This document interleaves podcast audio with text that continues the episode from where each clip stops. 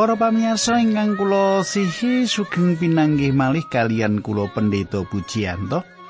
Ingkang badhe sesarengan kalian panjenengan wonten ing salebetipun adicara margi utami. Adicara ingkang nderekaken panjenengan mangertos babagan kayektosan-kayektosan saking pangandikanipun Gusti Allah. Lan panci wonten ing adicara menika panjenengan saged wuwuh pangertosan-pangertosan pemahaman panjenengan kangge kitab suci panjenengan nggih. Kanthi makaten panjenengan dados tiang Kristen ingkang saestu jembar wawasanipun babagan kayektosan ing salebetipun kitab suci.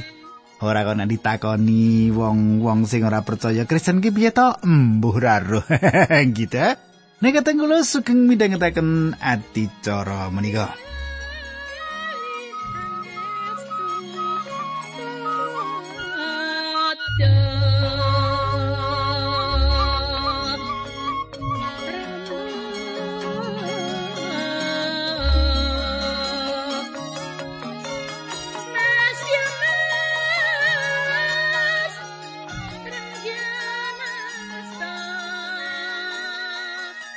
Para pamirsa menapa panjenengan tasih kemutan menapa ingkang kula aturaken duk pepanggihan kepengker wonten ing pepanggihan kepengker kita sampun nyemak kados pundi Paulus meratelaken nglairaken babakan wolu ciri bangsa Israel.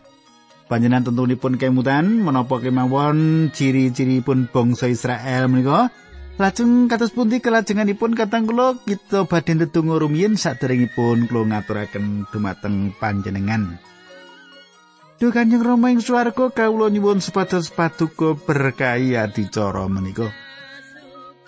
Kawula nyuwun supados Gusti mitulungi adicara menika supados dados berkah kangge sedherek kawula ngiyataken manahipun lipur manahipun makaten linambaran asmanipun Gusti kawula Yesus Kristus kawula netunggal haleluya amin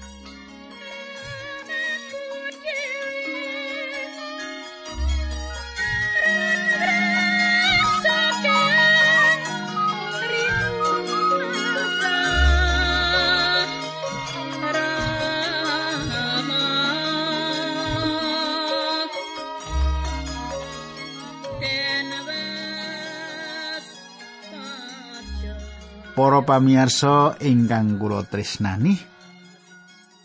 Samenika pasinaon kita sampun lumpet ing serat Rum songo ayat 6 nggih. Ayat 5 lan saderengipun sampun kita sinau samenika kita wiwiti ayat 6 mangke majeng majeng majeng makaten nggih. Makaten surat sing pengantikan ing basa pedinan, aku ora kondo yen perjanjiane Gusti Allah kuwi batal. Merga ora saben umat Israel kapilih dening Gusti Allah. Para pamirsa, seratan menika satunggalipun pratela ingkang radianeh. Kanthi tembung sanes, boten sedaya turunan. Menika tedhak turunipun secara kajasmanen tiang Israel. Menika turunan ingkang sejatos. Bangsa Yahudi ing jamanipun Paulus gadah pitakenan. Kenging menapa bangsa Yahudi mboten nampeni Gusti Yesus wiwit dados bangsa pilihan. Menapa kegagalan tiang Yahudi dados Gusti Yesus awet kalepatanipun Gusti Allah? Menapa gagalipun tiang Yahudi mboten pitados Gusti Yesus menika awet kalepatanipun Gusti Allah? Paulus merantasi saperangan perkawis menika ing wiwitan Satrum 3. Paulus mbedakaken antawisipun tedak turun kajasmanen Yakub kalian tedak turun kasukman. Badhe wonten sisa lan sisa menika duka menika secara tata lahir utawi boten menika tedak turun kasukman. Inggih menika anggenipun mbedakaken ing antawisipun bangsa Israel lan piyambakipun babar pindah boten nglebetaken bangsa sanes Yahudi ing mriki. Dados kegagalan menika mboten saking Gusti Allah, nanging bangsa menika piyambak. Janji-janji Gusti Allah mboten wonten syaratipun. Kudu bangsa apa, kudu bangsa apa mboten wonten ya. Nah, kita lajengaken ayat pitu. Semono uga ora kabeh tedhak turune Roma Abraham kaangkat dadi para putrane Gusti Allah. Gusti Allah ngandika marang Abraham sing bakal kasebut turunmu kuwi mung turune Iska. Para pamirsa ayat menika satunggalipun pandering panyurung ingkang ngrisak alasan-alasan tiang-tiang ingkang nyubi lumawan Paulus. Menawi tedak turun namung dipun petang saking kelahiran toto lahir kemawon. Pramila bangsa Ismail, non Edom ugi kecakup Dados tedak turun toto lahir Abraham boten jamin menawi tiang menika dados lare perjanjian. Panjenengan tentu emut menapa ingkang dipun pratelakaken tiang Yahudi dumateng Gusti Yesus ing satunggalipun wewengan. Bapak kula inggih menika Abraham. Pangandikane Gusti Yesus dumateng bangsa menika menawa kowe bener anak-anak Abraham mesti kowe nindakake pegawean kaya kang ditindakake dening Abraham. Salajengipun Gusti Yesus ngendika iblis kang dadi bapakmu lan kowe kepingin nindakake pepinginan-pepinginan bapakmu dheweke kuwi tukang mateni manungsa wiwit mula lan ora urip ing sajroning bebener sebab dheweke kuwi ora ana bebener menawa dheweke kondo apus-apus dheweke kondo atas karepe dhewe sebab dheweke kuwi tukang apus-apus lan bapakne sebarang apus-apus Panjenengan saged nyemak Yohanes 8 ayat 39 lan kawan kawan Nah kadang kula kula lajengaken ayat 8 rom songo. Makaten surasipun. Kuwi atekesian sing kasebut putra-putrane Gusti Allah mau dudu anak-anak sing dilairake miturut daging sing dianggep tedak turune sing sah kuwi mung anak-anak sing dilairake manut perjanjian Gusti Allah. Para pamirsa, Rasul Paulus mbedakaken kanthi cetha antawisipun ingkang dipun pilih lan ingkang boten dipun pilih tumrap bangsa Israel. lari-lari daging sanes putranipun Gusti Allah. Lari-lari perjanjian inggih menika tiang-tiang ingkang dipun petang minangka turunanipun. Ing salebetipun para rasul selikur ayat kalih dosa, Dr. Lukas nyukani mangertos. Sederek Paulus, kula aturi mirengaken atur kula. Ing ngriki wonten pinten-pinten ewu tiang Yahudi ingkang pitados dhateng Gusti Yesus lan ugi sami netepi toretipun Nabi Musa. Ing Israel wonten ewon tiang Yahudi ingkang pitados dumateng Sang Kristus sasampunipun sedo lan wungunipun Gusti Yesus. Tiang-tiang menika tiang ingkang pinilih lan Paulus tansah nyebat tiang-tiang menika Israel. Menawi lumebet ing salebetipun kitab Wahyu ing mriku Gusti kita sawek ngendika kalian pasamuan-pasamuan. Ing abad kawitan lan minangka akibatipun panjenenganipun ngendika dumateng para pesamuan. Wahyu kali ayat songo, aku ngerti kesusahanmu. Kowe melarat, nanging satemene sugih. Aku ngerti nggonmu diololo dening wong-wong sing ngaku-ngaku wong Yahudi, mongko satemene dudu. Sejatine wong-wong kuwi umate iblis. Para pamirsa, kula lajengaken ayat songo. Sebab perjanjiane Gusti Allah mau mengkini, aku bakal bali meneh ing wektu sing wis katentokake lan Sarah bakal duwe anak lanang. Para pamirsa. Lari-lari perjanjian sanes tiang-tiang ingkang pitados satunggalipun perkawis Isa dereng pitados saderengipun dipun lairaken. Iska inggih menika turunan ingkang dipun janjiaken Gusti Allah paring janji lan Gusti Allah ngujuti menika nggih. Sabenika ayat doso, malah ora mengkono wae. Bocah lanang loro-lorone sing dikandhut dening ibu Ribkah kuwi bapakne siji, ya kuwi leluhur kita Iska. Kadang kula Iska lan Ribkah ugi dipun dadosaken conto watonan pilihan ilahi. Samenika ayat 11. Sebab nalika bayi-bayi mau durung padha lair lan durung nglakoni penggawe becik utawa Allah, supaya rancangane Gusti Allah bab pamilihe tetep ora ada dasar ayahan nanging ada dasar timbalani. Para pamirsa, kayektosan ayat menika saestu penting. Sawetawis keterangan saged dipun gelar gegayutan panampikipun Gusti Allah atas Ismail, nanging perkawis menika boten badhe dumados gegayutan kalian Iska lan lari-lari Ribka. Gusti Allah nampik garis hak lari pembarep inggih menika ingkang kawitan dipun lairaken lan milih lari ingkang langkung enem. Ing wekdal menika Yakub mboten tumindak sae lan Esau mboten tumindak awon. Hak menika mboten wonten ing kelahiran lan mboten alandasan sifat utawi pendamelanipun. Paulus damel sedaya pilihan wonten ing karsanipun Gusti Allah selaras kalian pemilihan. Langkung tebih malih panjenenganipun ngribah pratelanipun bilih menika sanes awit hasil pendamelanipun nanging gumantung dumateng timbalanipun Gusti Allah.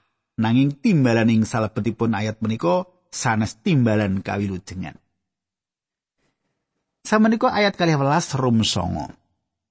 Dipangandikake marang Ribkah mengkene sing tuwa bakal ngawula marang sing enom. Para pamirsa. Salajengipun inggih menika satunggal cuplikan saking purwaning dumadi selangkung ayat 23 ingkang dipun paringaken saderengipun kalih lare jalur menika dipun lairaken cepi panjenengan semak. Purwaning dumadi selangkung ayat 23 pangandikane Gusti Allah. Ing wetengmu ana bangsa loro sing padha sesatron sing enom luwih rasa ketimbang karo sing tuwa sing barep bakal ngawula marang sing ragil. Nah kadang kula menika pameto Samenika Rom songo ayat 13 kaya kang tinulis sing kitab suci. Yakub kuwi ndak kasihi nanging iso ndak sengiti. Para pamirsa Pangandikan menika cuplian saking kitab pungkasan perjanjian lama semak Maliaki setunggal ayat kali lan tiga. Pratilo menika dereng dipun lairaken saderengipun kekalih lari jalur menika gesang lan kalih bangsa lair saking kekalihipun ingkang dumados kirang langkung kalih ewu taun selajengipun lan kathah sanget sejarah kaukiring mriku. Menika dados masalah ageng. Panci langkung gampil mangertos kenging menapa Gusti Allah nampi Esau.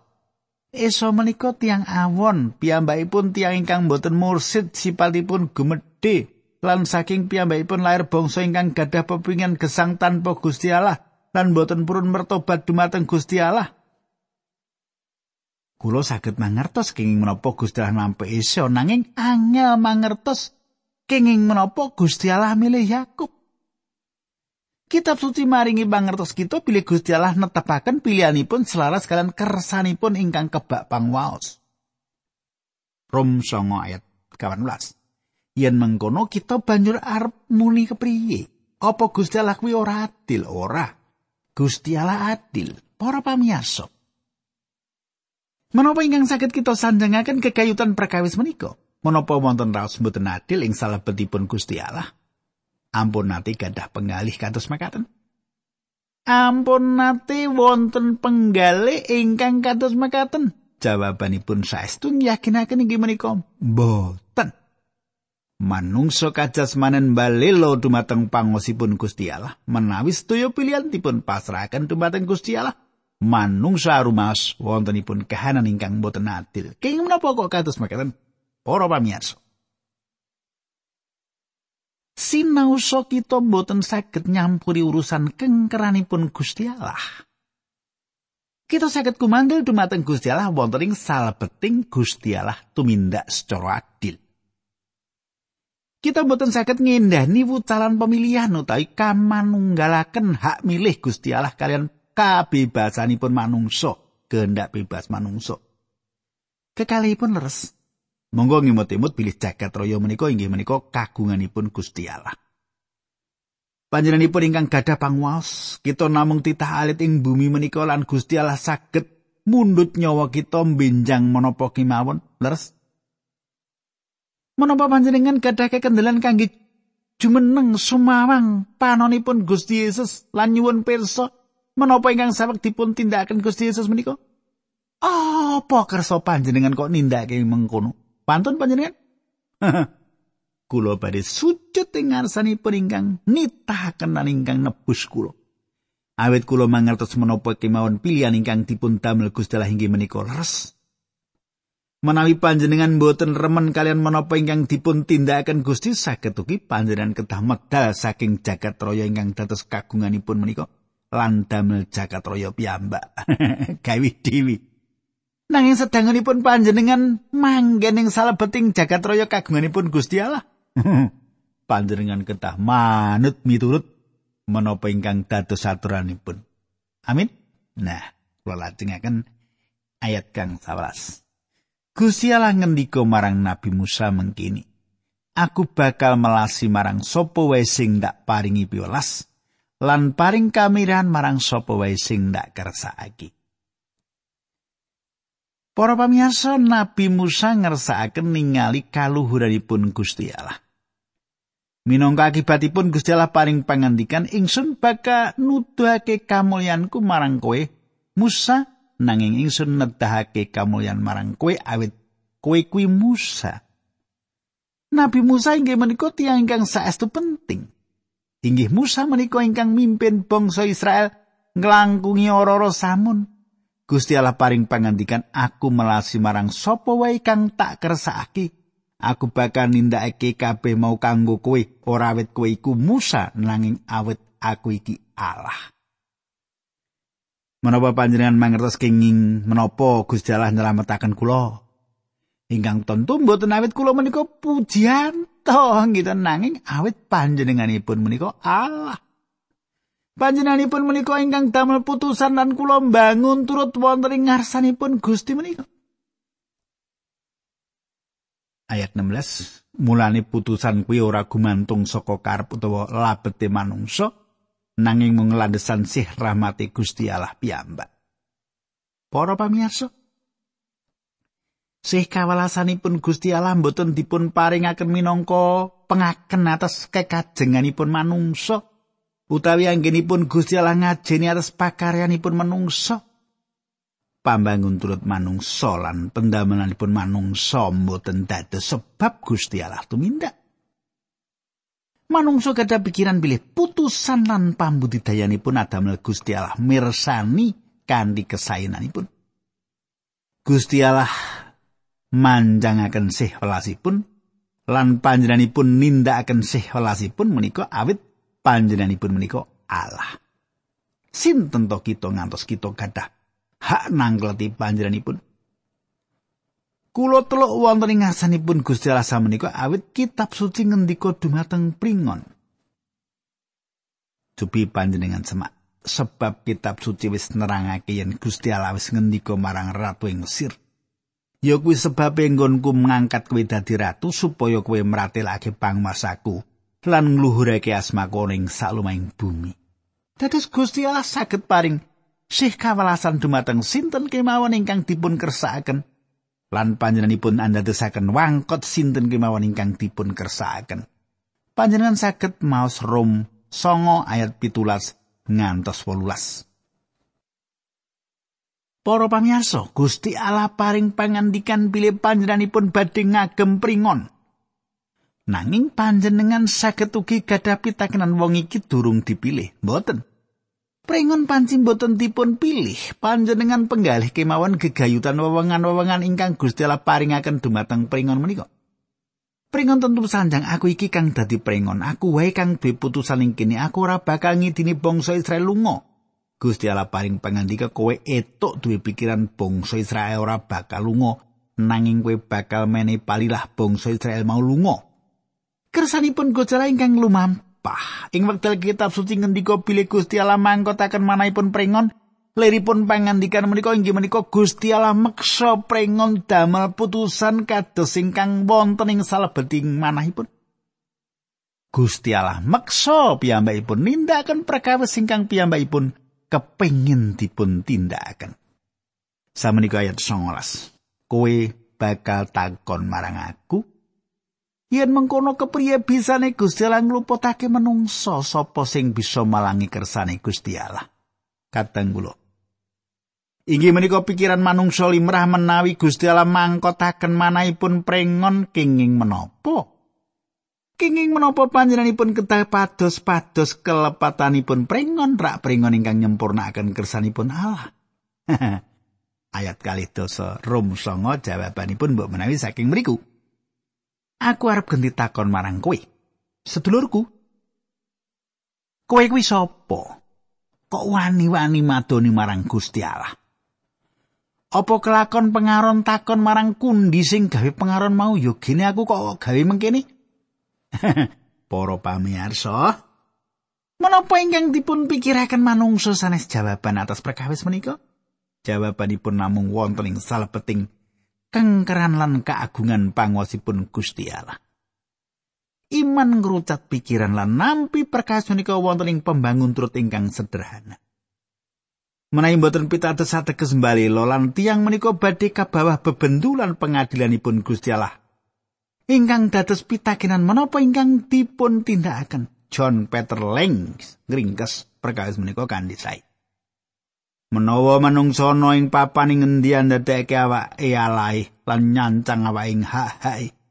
Mula Gusti Allah gesangake kagungane lan ngetingalake sarirane ing sadurunging kabeh kasunyatan anane panjenengani minangka jetri Allah kang bebas. Kang ing ngarsane manungsa tanpa guna kaya lempung ing tangane tukang gerabah. Kaya ngene iki patrape Paulus nalika tumindak dikaya lan Gusti Allah ndhawuhake ing sajroning gugatane marang paham Farisi bangsa Yahudi, ya iki alasan kenapa Paulus nglairake mung siji karakter. Wonten tiyang ingkang nyerat. Panjenengan ora bisa ngubahake lintang siji kang cilik. panjenengan ora bisa gawe godhong sinadana mung sak lembar ana ing alas utawa njugurkake gunung utawa nyilepake segara titah kang kerdil kang gumedhe kang kebak ora percaya panjenengan ora bisa nekake kaendan kang agung utawa nggawe supaya mangsa kang gegodhongan gogrok kanthi suasana remeng-remeng utawa gawe sunaring bulan rada remeng-remeng kanthi sunari kang lembut lan panjenengan kok wani-waninipun mangu-mangu marang panjenengan ingkang wis nindakake kabeh mau. Para pamirsa ingkang penting piyambak inggih menika Gusti Allah inggih menika Gusti Allah.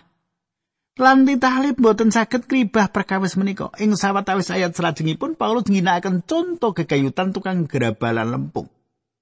Gusti Allah inggih menika tukang gerabalan kita menika lempungipun. Gusti Allah mendet manungsa saking lebu siti lan mangun manungsa menika Gusti Allah mendhet manungsa saking lebu siti lan mangun manungsa menika panjenenganipun boten mewiwiti saking kethek manungsa dipun dadosaken badanipun piyambak monyet nanging Gusti Allah mboten ndadosaken manungsa kados makaten menika manungsa dhewe sing kono aku didadekke saka monyet Nanging Gusti Allah ora ngendika kados makaten ora gawe kados makaten menika Gusti Allah mundut manungsa saking lebu siti kala-kala kita nyupekaken lelampahan menika. Gitu?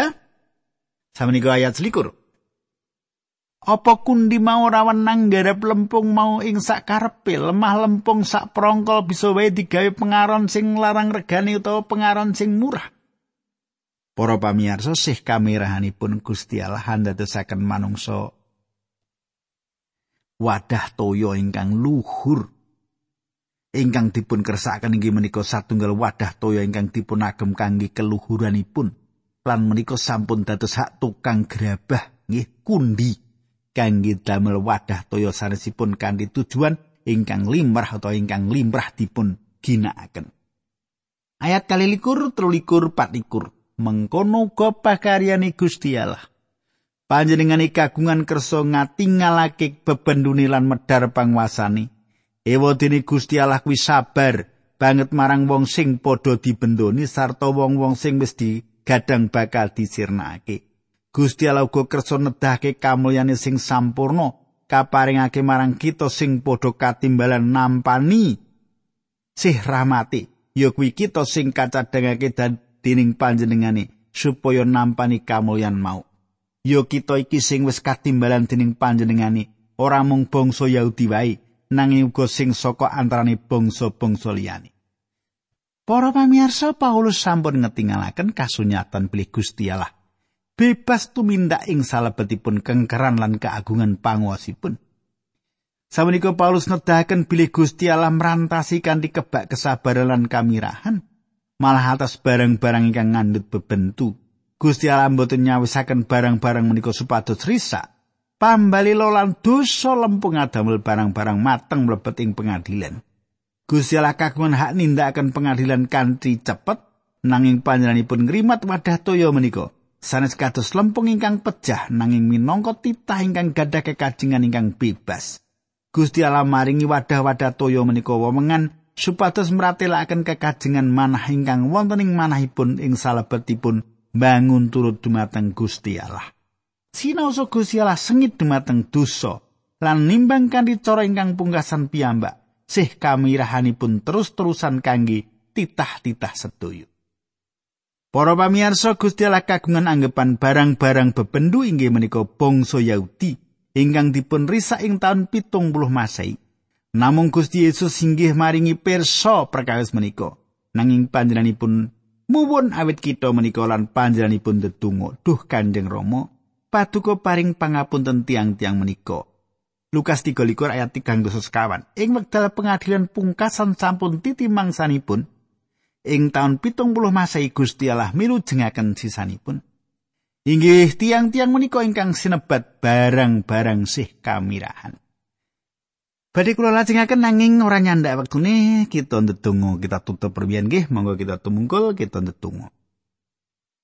Dukane Rama ing swarga kawula ngaturaken gunging panuwun menawi wekdal menika kawula saged tetunggilan kalian sederek-sederek kawula ingkang setya tuhu midhangetaken adicara menika.